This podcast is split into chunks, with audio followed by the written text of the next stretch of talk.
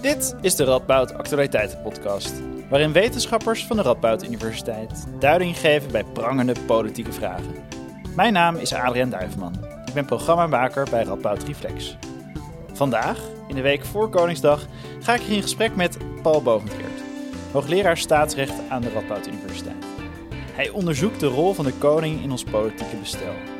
Een paar jaar geleden schreef hij daar een boek over, getiteld De Koning en de Monarchie. Toekomstbestendig?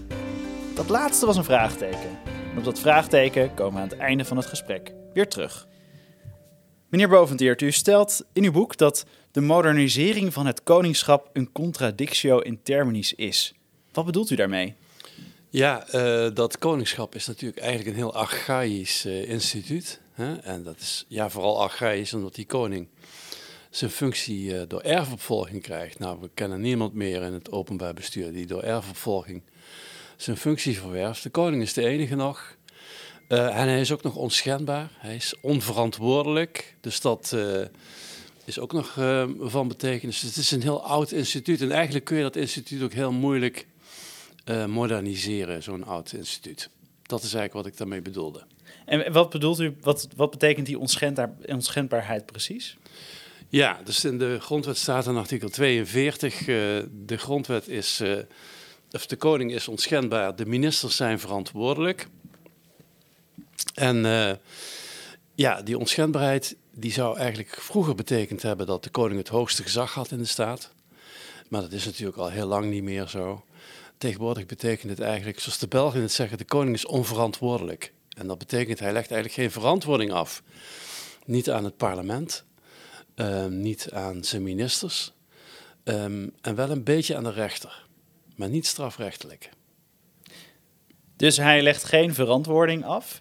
Um, maar ja, heeft hij eigenlijk nog wel ver verantwoordelijkheden überhaupt? Uh, want u bent staatsrechten-expert. Als u puur naar die staatsrechtelijke functie van de vorst kijkt, hoeveel macht heeft hij nog? Ja, nou ja, je, je kunt zeggen dat die koning twee functies heeft hè, in ons staatsbestel. Hij is staatshoofd, hij vertegenwoordigt de staat in het binnenland en in het buitenland, legt staatsbezoeken af. Dat is de ene kant van het verhaal. Aan de andere kant is de koning nog steeds deel van de regering, dat zegt de grondwet ook. De regering wordt gevormd door de koning en de ministers. En dat is niet zomaar uh, een, een, ceremonieel iets. Hij uh, tekent nog steeds alle wetten en regeringsbesluiten. Dus hij heeft een dubbele functie. Hij is ook nog voorzitter van de Raad van State, maar dat laten we nou maar buiten beschouwing. Dat zijn zijn twee hoofdfuncties. Dus hij heeft zeker nog wel een positie in het staatsbestel. Maar het roept natuurlijk de vraag op: ja, wat betekent dat in een moderne parlementaire democratie? Koning als staatshoofd, koning als deel van de regering. Hij, hij moet al die wetten, of hij tekent al die wetten. Moet hij die tekenen? Kan hij daar ook op een gegeven moment zeggen: nee, deze ga ik niet tekenen, daar ben ik niet mee eens? Ja, dat is eigenlijk nog wel een, een puntje van geschil, ook in de literatuur. Uh, de regering heeft uh, eigenlijk vrij consistent de afgelopen twintig jaar gezegd: de koning moet zich ervan bewust zijn dat de ministers verantwoordelijk zijn. En dat betekent dat hij eigenlijk ja, alleen aanspoort, waarschuwt, raadpleegt.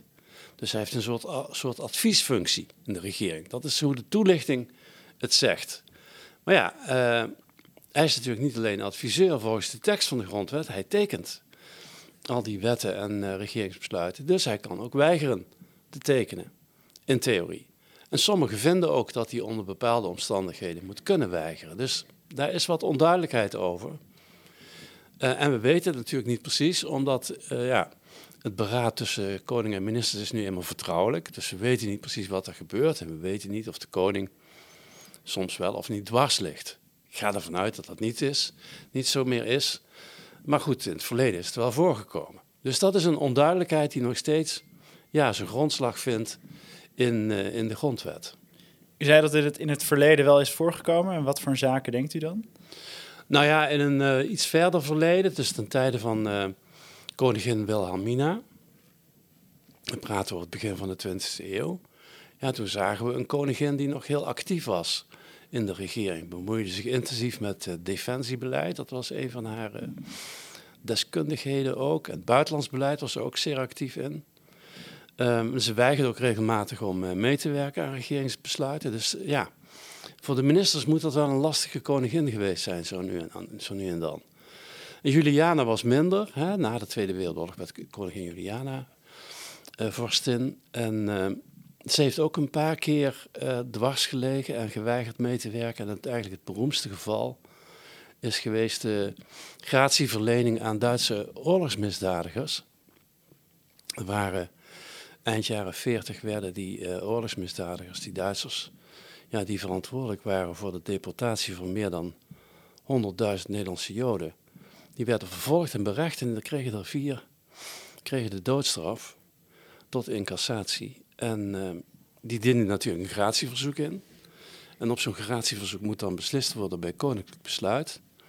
En de minister van Justitie die wilde dat gratiebesluit afwijzen, zodat de executie van deze ernstigste, zwaarste oorlogsmisdadigers door zou gaan. Ja, en dat uh, afwijzingsbesluit werd niet getekend door de koningin, want ze had gewetensbezwaren. Uh, uiteindelijk is het in de ministerraad gekomen. De hele ministerraad wilde de executie van deze oorlogsmisdadigers doorzetten.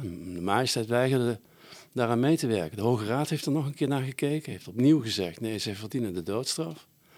En zo ziet hij dat die uh, koning in die tijd nog best wel uh, zijn of haar stempel kon drukken op het regeringsbeleid. Want uiteindelijk zijn die uh, oorlogsmisdadigers, hebben ze levenslang gekregen.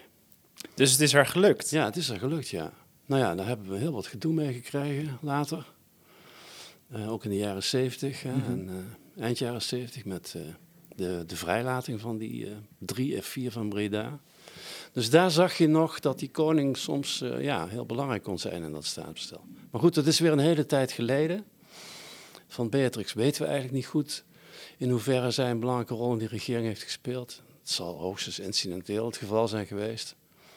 Ja, van Willem-Alexander, dat is eigenlijk nog te vroeg om dat te analyseren, maar ik denk dat hij niet hele actieve bemoeienis heeft met het regeringsbeleid. Um, u heeft het over dat lange verleden. In het boek heeft u dat ook. U begint met, met de, start van de monarchie uh, in de 19e eeuw. Kijkend naar de toekomst, u doet ook een aantal voorstellen om het koningschap uh, naar de eisen van de tijd aan te passen, zoals u schrijft. En een daarvan is uh, de, de bekostiging van de monarchie. Nu heeft het over de normalisering van de uitgaven um, dat die de toekomstbestendigheid ten goede zou komen. Wat bedoelt u daarmee? Ja, die uh, bekostiging die is nog een beetje oude, die is zelfs heel ouderwets, zou je kunnen zeggen. Je moet zich voorstellen dat het oorspronkelijk, kreeg die koning gewoon elk jaar een bedrag. Stond ook in de grondwet. Ik kreeg 1 miljoen, stond in, uh, in 1814 in de grondwet. En dat kon ook niet gewijzigd worden. Nou, dat heeft heel lang zo gegolden en eigenlijk in de 20e eeuw is men ja, ook omdat er inflatie was en de waarde van de munt ging heel sterk wisselen. En je moest die bedragen ook gaan aanpassen. Uiteindelijk heeft men ervoor gekozen om het uit de grondwet te halen en het in een wet te plaatsen, de wet Financieel Statuut Koninklijk Huis.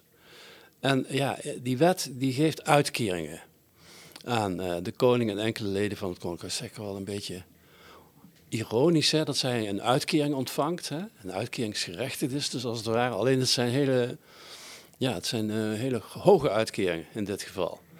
En uh, dus de koning krijgt een uitkering voor personeel en materiële voorzieningen en hij krijgt een inkomen als uitkering. Maar dat is het niet alleen. Hij krijgt ook nog via allerlei begrotingsposten nog allerlei andere uitgaven vergoed. Dus het is een nogal ondoorzichtig samenstel van uitgaven. Het is niet gewoon één bedrag. Um, maar het komt ook op diverse begrotingen van ministeries terug. Het is heel moeilijk om daar zicht op te krijgen wat het nou precies is. Die uitkering uh, als inkomen, ja, dat is een, inmiddels een bedrag van rond de 1 miljoen euro.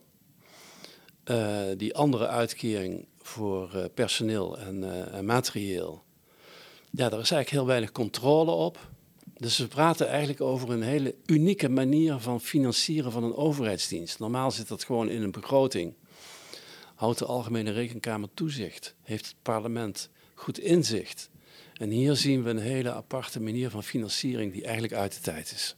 En ik zou willen voorstellen om dat uh, gewoon te veranderen, om al die uitgaven op één begroting te plaatsen, zoals dat bij andere overheidsdiensten ook zo is. Want de koning vervult natuurlijk gewoon een overheidsdienst. En hem een salaris te geven waar hij ook gewoon belasting over betaalt. En dat is uh, ja, een, een aanpassing aan de geest van de tijd, zou ik zeggen. Hij moet belasting betalen de, de, het inkomen moet conform dat zijn van een overheidsfunctionaris. Dat las ik ook ergens. Ja, nou ja, wat, hoe hoog dat inkomen moet zijn, dat laat ik graag aan de deskundige over. Ik kan me voorstellen dat als het een koning is, dat je nog wat hoger gaat zitten dan uh, voor een minister-president. Uh, het interessante is dat de Tweede Kamer al twee keer een motie heeft aangenomen. Uh, dat de koning belasting moet gaan betalen, maar minister-president Rutte weigert om die motie uit te voeren. Um, ze willen de grondwet ook herzien op dit punt, op het punt van de financiering. Maar uh, de premier zegt, ja, ik zie geen tweederde meerderheid, dus ik begin er niet aan. Je kunt ook zeggen, nou, ik begin eraan en we gaan proberen om die tweederde meerderheid ervoor te krijgen. Dus de regering is nogal onwillig op dit moment om mee te werken aan veranderingen. En dat is toch eigenlijk wel uh, treurig, vind ik. Kan u dat verklaren, waar dat vandaan komt? Nee, begrijp ik niet. Ik begrijp het ook helemaal niet, omdat uh, ja, er nu toch een duidelijke meerderheid is in het parlement die vindt dat die financiering gemoderniseerd moet worden.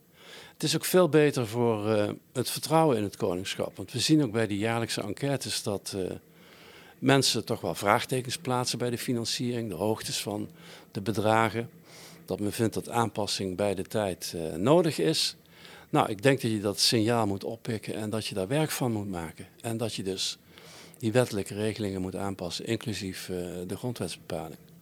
Uh, een van de andere voorstellen die, die u doet, geeft de koning en de vorst ook meer ruimte. In ieder geval de, de aankomende vorst. Uh, want u stelt dat de partnerkeuze, die, uh, of nou ja, de, de huwelijkspartnerkeuze, moet nu parlementair worden goedgekeurd van de erfopvolger. u stelt, Amalia heeft, moet daar gewoon vrije keuze in hebben. Daar heeft het parlement niets over te zeggen. Waarom? Nou ja, dat vind ik ook zo'n bepaling uit een grijs verleden waarvan je zou kunnen zeggen, als je toch dat koningschap en die monarchie uh, bij de tijd wil brengen, dan geldt dat ook voor dit soort uh, ouderwetse bepalingen dat uh, voor het huwelijk van de koning of voor het huwelijk van een erfopvolging, erfopvolger toestemming bij wet nodig is. waarbij de Verenigde Vergadering der Staten-Generaal dan een besluit moet nemen. Ik zou zeggen, schaf dat af, laat die mensen gewoon zelf een keuze maken en mocht het helemaal uit de hand lopen en leiden tot een vreselijke situatie, dan kun je altijd nog iemand uitsluiten van erfopvolging. Uh, maar dit soort bepalingen zijn uit de tijd. Ook de bepaling dat, uh, stel dat er geen erfopvolgers meer zijn, dat, uh, ja, dat, dat er niemand meer is. Dat kan, kan natuurlijk gebeuren door een of ander vreselijk ongeluk of weet ik wat. We hebben geen erfopvolgers meer. Dan staat er nog in de grondwet dat we een koning kunnen gaan benoemen. Ja, dat is ook zo'n bepaling uit de 19e eeuw, hè, waarbij je eigenlijk altijd een monarchie moest hebben. Maar dat hoeft natuurlijk helemaal niet. Je kunt natuurlijk heel goed overstappen naar een republiek. En wat zouden we ons dan moeten voorstellen? Dat minister-president Rutte op de fiets naar Duitsland gaat op zoek naar een of andere koninklijke familie die dan uh, in de voetsporen zou kunnen treden van de Oranje Monarchie. Het is, ja, wat dat betreft zijn een aantal van die bepalingen toch echt wel aan uh, herziening en uh, een aanpassing uh, uh, nodig. Nou ja, ik, uh, in Zweden hebben ze toch een of andere generaal van Napoleon be benoemd tot koning of zo. Je kunt best creatief zijn als je iemand nieuw zoekt. Ja, maar dat is ook een hele tijd geleden. Hè? Een hele tijd geleden. Ja, ik denk niet dat je dat nog in de 21ste eeuw moet als, Als we van een hele tijd geleden naar een tijd in de toekomst gaan, 2100, hebben we nog een koning. Nou, dat is zeer twijfelachtig, denk ik. Huh? Dus ja, uh, de beroemde biograaf van uh, Wilhelmina, Kees van Seur, die heeft dus in een van zijn boekjes geschreven: ah, over 200 jaar hebben we zeker nog een uh, monarchie, want de monarchie is zo populair in Nederland. Ja, nou, we zien op dit moment dat die populariteit behoorlijk afneemt.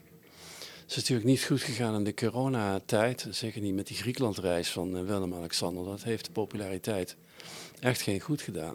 Schommelt rond de 50 procent. Het is laag. En hij zegt nou, onlangs zei hij in die, uh, in die, in die vlog, uh, uh, zei hij, ja, ach, alle instituties hebben last ervan dat het vertrouwen afneemt. Maar dat is natuurlijk niet zo. Het vertrouwen in de rechterlijke macht is nog best wel hoog. En het vertrouwen in de monarchie was een paar jaar geleden ook hoog. Dus je moet denken dat instituut van de monarchie, ja, dat ontleent zijn bestaansrecht aan het vertrouwen van de bevolking in de monarchie en de populariteit. Want Kijk, anders dan vroeger is die monarchie geen pijler meer in ons staatsbestel. dat is de regering, de minister-president, de ministers, het parlement, de rechterlijke macht.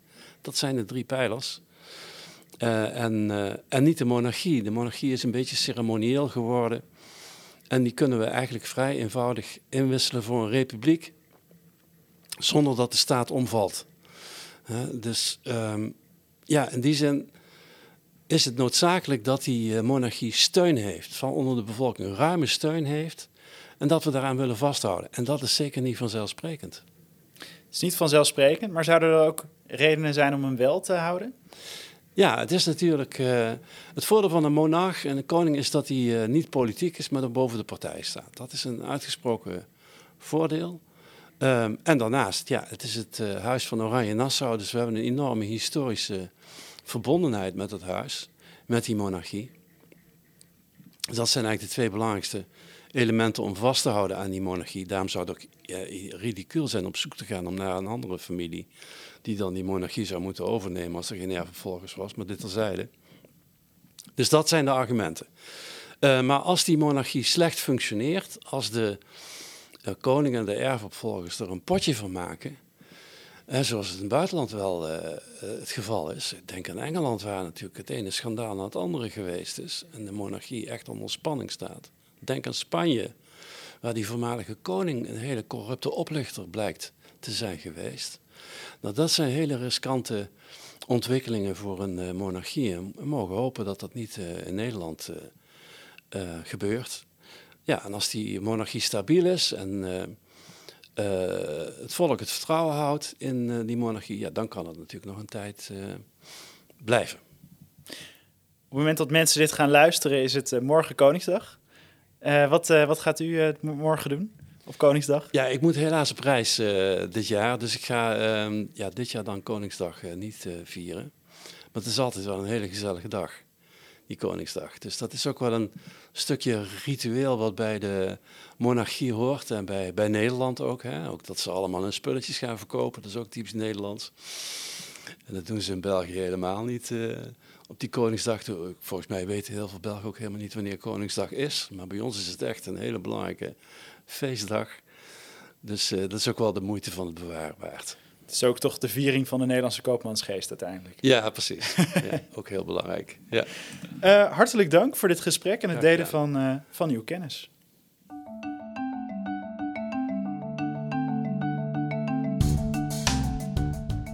Dit was de Radboud Actualiteiten podcast. Bedankt voor het luisteren. Werk je in Politiek Den Haag? Kom dan ook naar de Radboud Actualiteitencolleges. Wil je meer weten over de Radboud Universiteit en het onderzoek dat daar gedaan wordt? Kijk dan op www.ru.nl.